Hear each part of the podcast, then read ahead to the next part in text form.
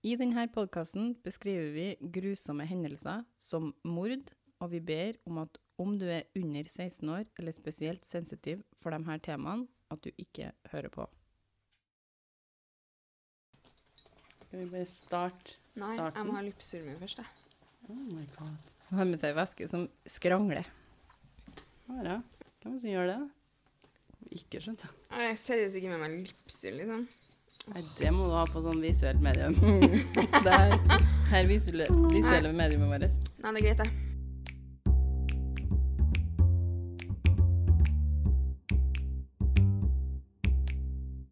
Hei, hei, alle sammen. Da er det på tide for oss å ha en liten pause igjen. Her sitter vi, meg, Martine og Karoline, faktisk. Si hei, folkens. Hei, hei. Hallo. Du fikk noe veldig pipete stemme her nå. Jeg får jo egentlig. Hallo.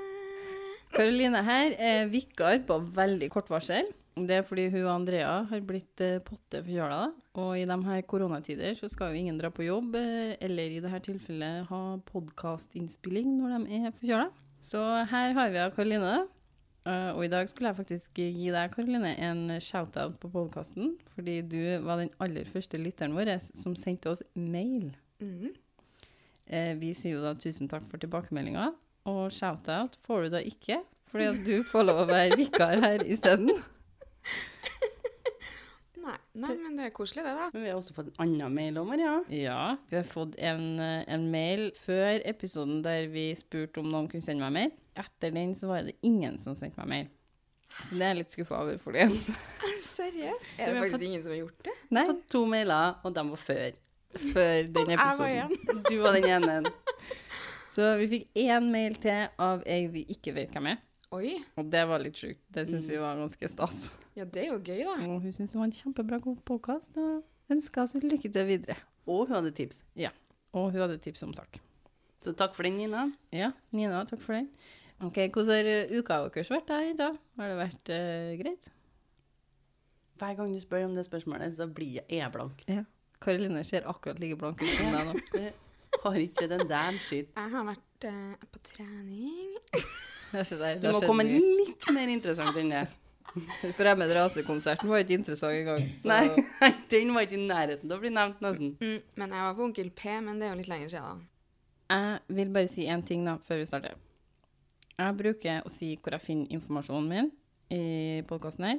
Men mesteparten av mine kilder den gangen her er fra polske artikler som jeg har oversatt som best jeg har fått til.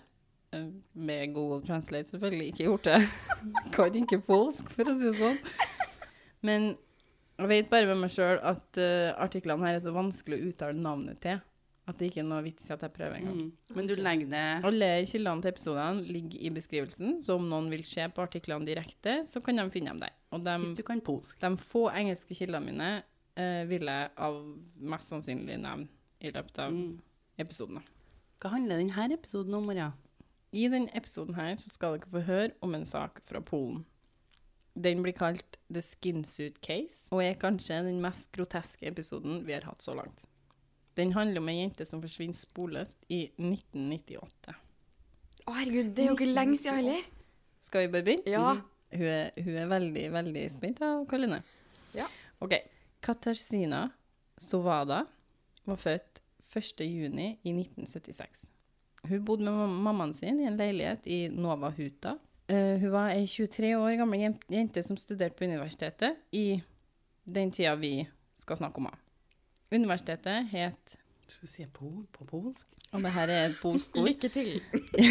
Jagi- Godspeed. Vi tror på deg, Maria. ok. Universitetet het Jagiellonian universitetet og var ikke langt fra Krakow. Krakow, ja. Ifølge vennene hennes var hun snill og hjelpsom, men tilbaketrukken og opplevdes av og til som litt eh, trist til sinns.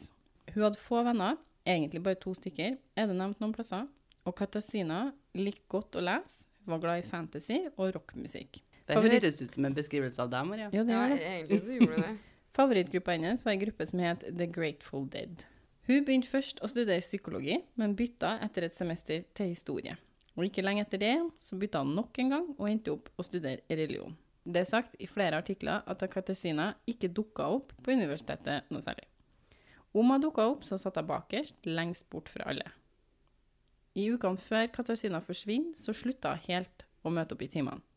Det her var noe mammaen hennes ikke var helt klar over, fordi Katarzyna hun fortsetter å stå opp og forlate huset til vanlig tid, og komme hjem når hun brukte å komme hjem etter timene sine. Oh. Men hun møtte ikke opp på universitetet. Hva hun gjorde, er det egentlig ingen som har funnet ut helt. Men jeg fant ut at hun hadde opplevd noe i livet som hadde resultert i at hun led under en depresjon. Depresjonen stamma fra ei ulykke som faren hennes ble utsatt for i 1996, så to år før det vi snakker om her. Katarzyna var enebarn og veldig knytta til pappaen sin. Ulykken hadde skjedd når Katarzyna og faren hennes hadde vært på fjelltur, og på den turen her så sklei pappaen hennes og fikk en ryggskade, og den ulykken resulterte i at faren hennes døde av en påfølgende sykdom. Det her tok av Katrasina veldig tungt. I forhold til Katrasina og kjærlighetslivet hennes fant jeg ut to ganske motstridende ting. Noen artikler påstod at hun ikke hadde kjæreste, og at det ikke var noen hun var interessert i. Andre artikler nevner at hun møtte en fyr som hun var involvert med. Alle derimot nevner at da Katrasina hadde begynt å slanke seg, og at hun bleika håret blondt og kledde seg litt annerledes i ukene før hun forsvant. Vanskelig å si hva som er rett her i forhold til om hun var involvert med noen eller ikke, men det legger vi litt til side til etterpå. Jo, men altså, om du Altså- treffer en fyr, så er det ikke sånn 'Å nei, nå skal jeg bli blond'. Ja. Det må nå være litt å føle 'Jeg har lyst til å bli blond', uten å treffe noen. Ja. Altså, for det er, jo, det er jo ikke sikkert det har noe å si, men det blir jo dratt fram for at det er unormalt fra det jeg egentlig bruker å gjøre. ja. Ok, så den 12. november i 1998 så hadde Katarzyna en time til en psykolog. Mammaen hennes var bekymra for Katarzyna sin mentale helse og ville følge opp at hun møtte opp til de timene. Katarzyna hadde alltid møtt opp. Hun var også investert i å få hjelp for depresjonen sin, men denne timen møter Katarzyna ikke opp til. Mammaen hennes venter på henne, men ingen Katarzyna. Mammaen hennes blir naturlig nok bekymra, for Katarzyna var alltid punktlig og når det kom til de timene her, og mora drar hjem for å se etter henne der, men finner fin ingen. Så mammaen til Katarzyna hun ringer politiet og melder at Katarzyna er savna. Dessverre så var hun 23 år gammel og voksen, Ah, så drit. Politiet var ikke veldig bekymra. De var ganske sikre på at hun kom til å dukke opp igjen, og ba mora hennes bare om å vente. Eh, Så trodde de at uh, hun kommer tilbake, det her er ikke noe problem. Det var en annen sak på akkurat den tida her som tok opp mye av politiet sin tid og ressurser. Politiet var veldig opptatt med å finne en fyr som het Mishka. Mishka var en eh, fotballfan som hadde kasta en kniv på en av de italienske spillerne på fotballaget Parma under en E UEFA UEFA-kamp i Krakow. Den saken var overalt på nyhetene, og det var en høyt prioritert sak som tok opp mesteparten av ressursene til politiet. Jeg fant veldig lite om etterforskninga i savna-saken til Katrasina. Men ifølge podkasten The Evidence Locker sin episode om denne saken her, og et par artikler jeg leste, lest, så hyrer mammaen hennes inn en privat etterforsker når politiet ikke melder seg noe særlig på. Videre blir det nevnt at selvmord blant unge folk var stigende på den tida her, og politiet derfor jobba ut ifra en tanke om at Katarzyna hadde tatt sitt eget liv, og at de egentlig lette etter kroppen hennes. Hørte jeg det rulla med Jan nå, eller? Mammaen hennes lette på alle tenkelige og utenkelige plasser, og så lette hun enda mer etter det. Men det var ingen spor etter Katarzyna. Nesten to måneder etter at Katrasina forsvant, i januar 1999, skjedde noe. Kapteinen på en slepebåt som var på Vistula-elva i Krakow, merka at noe hadde satt seg fast i propellen til båten hans. Det var ikke så uvanlig at det skjedde, men eh, kapteinen måtte gå for å se hva som gjorde at båten hadde gått i stå. Nå ble jeg litt sånn nysgjerrig her. Han forklarte at det han fant, hadde ei forferdelig lukt. Først trodde han at det var noe type lærstoff som hadde satt seg fast. Det var liksom litt sånn læraktig, og det var noe annet stoff der også, da, men eh, det var liksom hovedsakelig noe som så litt sånn læraktig ut. Men så ser han et menneskeøre. Åh. Ah, et øre! Han skjønte fort at det her ikke var noe stoff som hadde satt seg fast. Men det var heller ikke en kropp. Det var bare store deler av et menneske sin hud. Hæ? Først trodde politiet at kanskje det her var liket av et menneske som på et eller annet vis hadde blitt flådd da, når det satte seg fast i propellen. Men den teorien ble fort avvist, for det viste seg at huden hadde blitt nøye og veldig profesjonelt separert fra kroppen den tilhørte. Å, fy faen. Og huden hadde blitt sydd sammen igjen til noe som så ut som en skinsuit. Er du seriøs nå? Jeg håper du kødder med meg. Oh Eller et kostyme, da. god. Denne skinsuiten mangler begge armene og ansiktet. Kuttet som er gjort, går fra halsen og over hodet og inkluderer ene øret, men ikke ansiktet. Er håret med òg? Jeg vet ikke, Det blir ikke spesifisert, men jeg antar det. For den tegninga jeg så, den går liksom fra halsen her og opp over, over men ansiktet er kutta ut. Altså, så du så- liksom bare kutta ut ansiktet, så ansiktet har liksom vært en egen maske som du bare har er eller ditt eget ansikt, hvis du Jeg er vet ikke. så kvalm.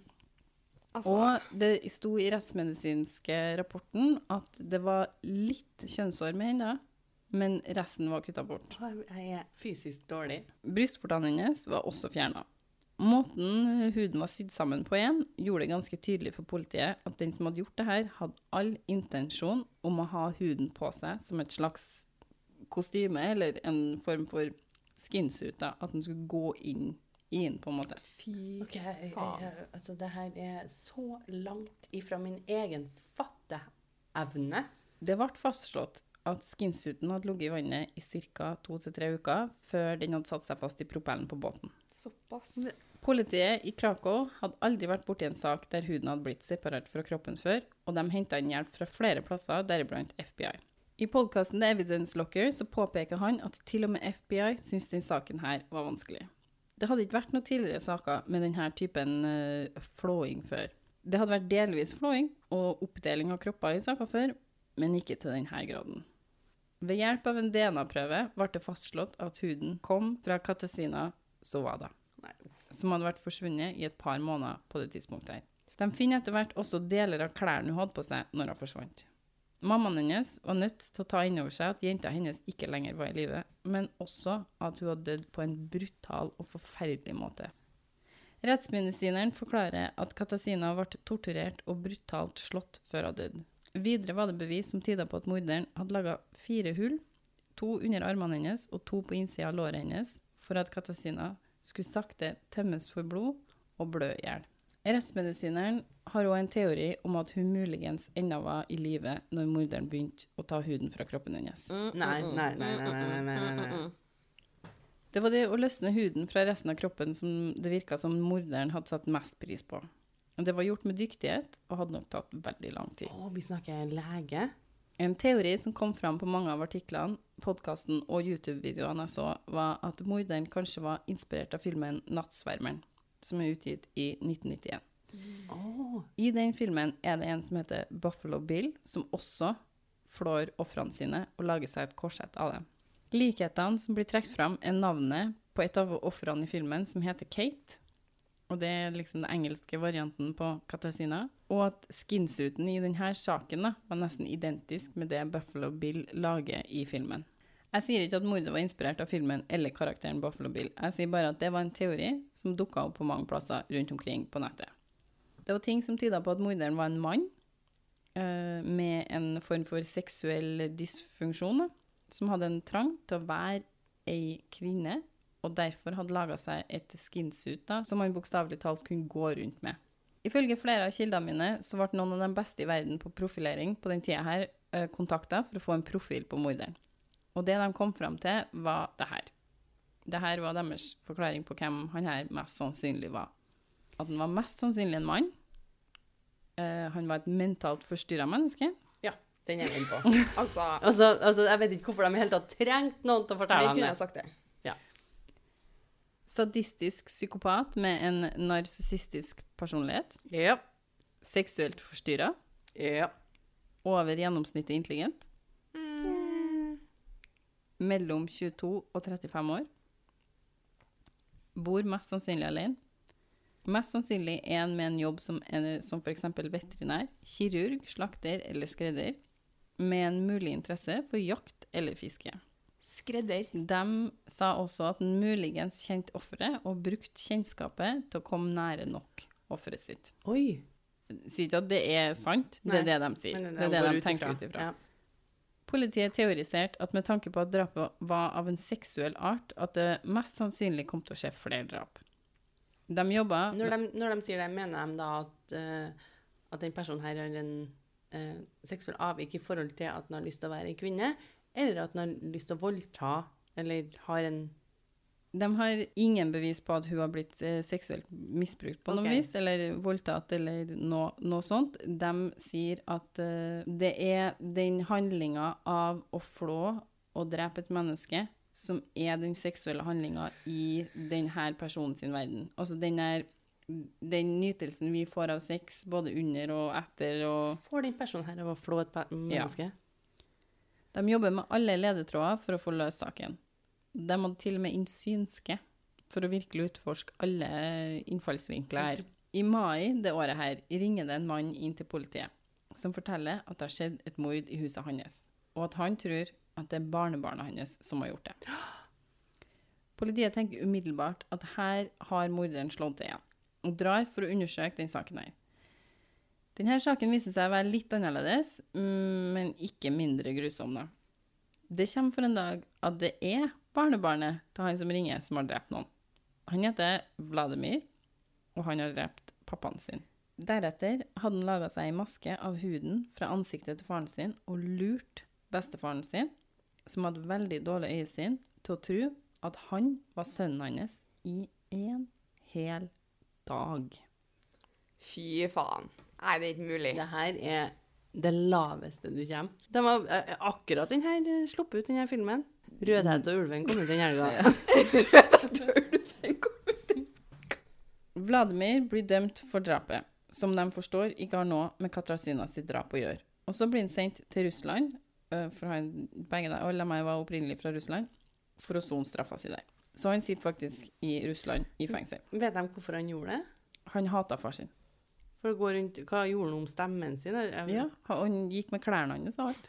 Er seriøst eventyret Rødhette, liksom? Ett drap til ser politiet på. Det er et drap som har skjedd i 1983, og der var det også flåing involvert. Oh my fucking god! Den mannen her var en helt vanlig fyr som plutselig en dag fant ut at han skulle drepe og skalpere kona og tenåringssønnen sin. Ganske vanlig. Helt vanlig sånn- fyr var han ikke.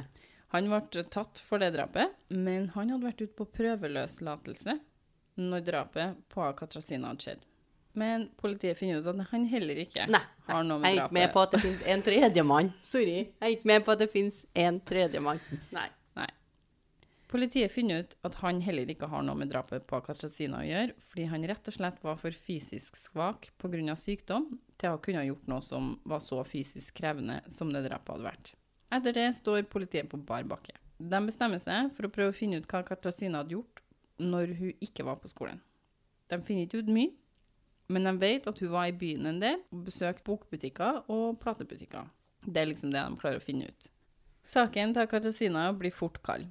De har ingenting mer å gå etter, og saken blir overført til noe de i Polen kaller The X-Archives, eller X-arkivene. Etter det jeg forstår, er dette en cold case-avdeling som jobber med sakene etter de på en måte går litt i stå. I Polen. I 2000 tester de nok en gang for DNA på det de har av bevis, og de finner DNA av et annet menneske.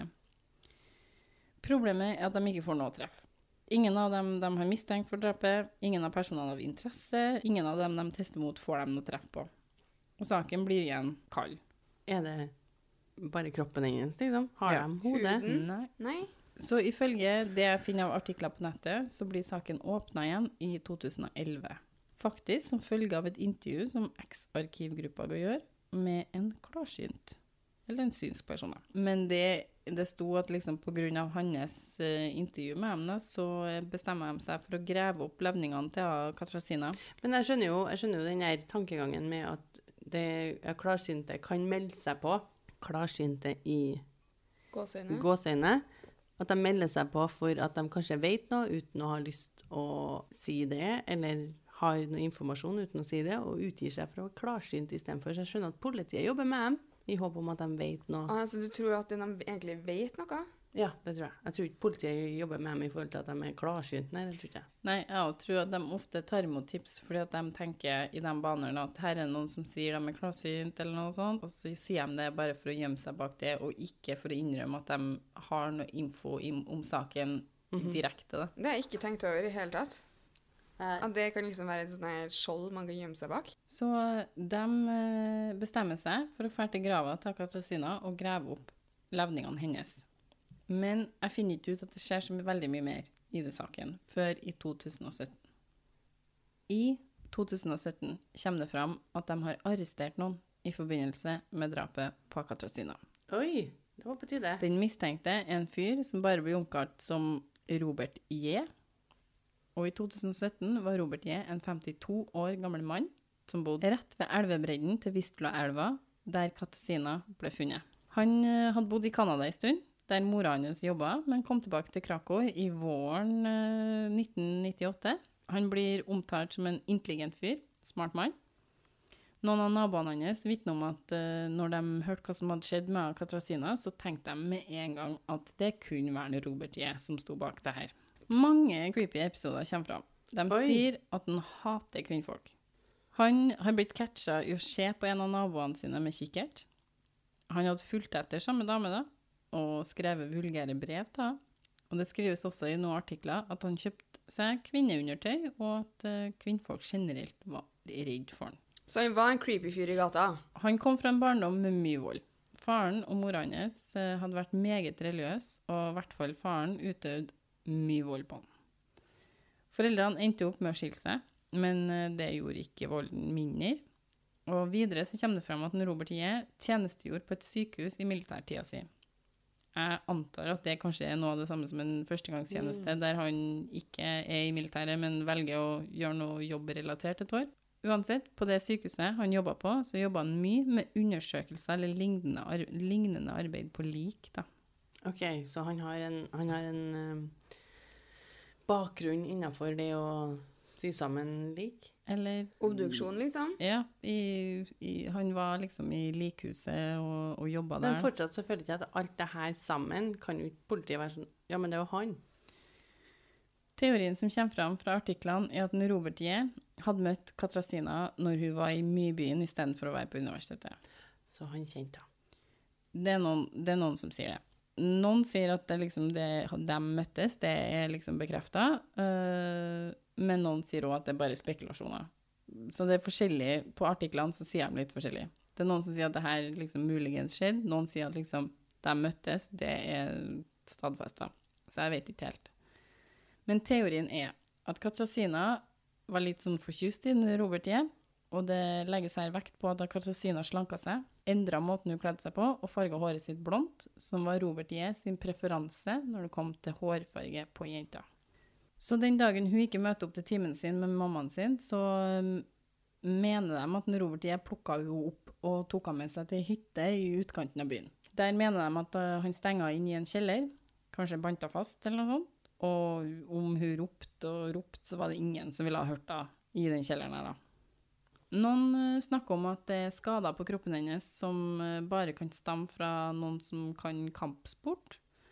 Og Robert J. hadde trena kampsport. Jeg er ikke helt sikker på hvordan noen kan si at en type skade på kroppen bare kan komme fra kampsport, men uh, nå har ikke jeg noen forutsetning til å si at det ikke kan stadfestes heller, da. Men det er jo å bli nevnt.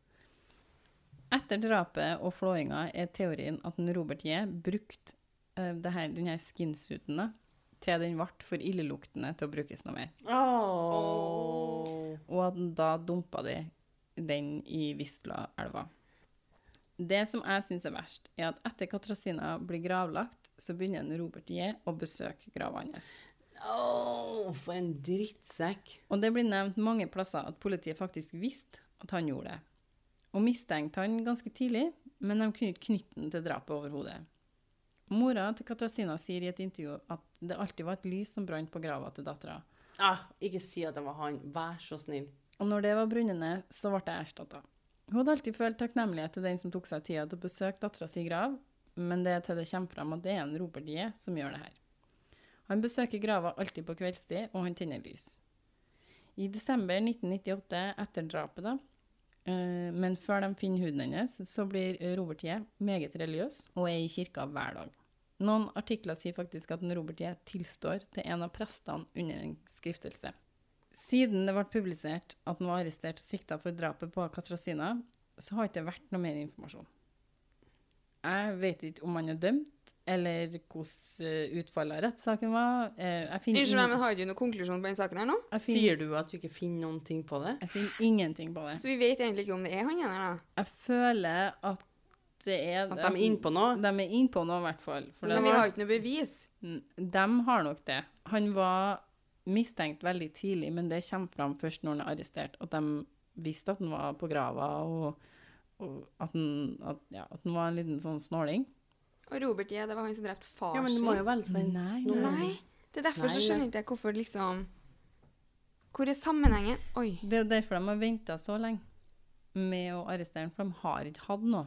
Men de har nå tydeligvis det. Men de, du, du snakka om at de hadde noe DNA-bevis. Altså- har de knytta det opp mot han? Jeg vet ikke. Maria. Men vi får faktisk ikke vite om det var han Robert J som gjorde det. Mer vet ikke jeg om den saken her. Det er veldig vanskelig å finne informasjon. Kan jeg få lov til å si at hvis du er polsk og snakker polsk og vet noe om den saken her, kan du få vær så snill å gi meg og Karoline en avslutning? Men vet vi at han tok på seg den skinsuiten her? Men det vet vi jo ikke, for at han er jo ikke han er jo dømt ennå. Nei, det og vet han, vi han har ikke. ikke sagt noen ting. I hvert fall ikke i 2017, da hadde han ikke sagt noen ting. Men uh, den var, den var laga for å bli Brukt. brukt. Alt tyda på det. Altså, den, den var laga med åpning, sånn at noen kunne bruke den, på en måte. Det her er en kropp. Det her er et menneske. Helt, altså, det er så sykt at det Og det syns, jeg, syns, jeg syns det er skikkelig rart at den ikke har fått mer internasjonal mediedekning. Ja. Ja. Ja, For det er en Jeg har faktisk ikke, Ikke- hørt om den her før. Nei, men vi vil i hvert fall vite om noen vet noe mer. Absolutt. Og om det er noe her som ikke stemmer, eller om det er noe vi kan utdype på noe vis. eller- Altså, jeg kjenner nesten jeg blir litt irritert nå, liksom. Ja, jeg, det tror jeg faktisk er lov. Og det er jo mulig det er info der som er på Pol som jeg har missa, for alt jeg vet, Ja, liksom. Men ikke sant? Men vi vil ha info. vi vil ha info. Katrasina, da, hun ligger begravd med pappaen sin på en gravlund i Krakow. Så hun ligger sammen med pappaen sin, da. Det var nå egentlig faktisk litt hyggelig å høre. Ja, det er en liten hyggelig avslutning, i hvert fall.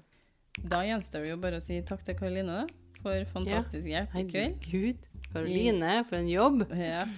og, og så følg oss gjerne på Instagram, som er En liten pause. Der legger vi ut litt informasjon om episodene og når de blir publisert. Eh, vi ser fram til kommentarer og tilbakemeldinger. Og om dere liker e-mail bedre, En liten pause. Podcast at gmail.com. takk for nå. Takk for at dere har lytta på. Takk. Ha det. Jeg er litt Ha usikker på takken i kveld, for det har ikke vært det engang. Nå er vi ferdige. Nå er vi ferdige. Si ha det. Ha det!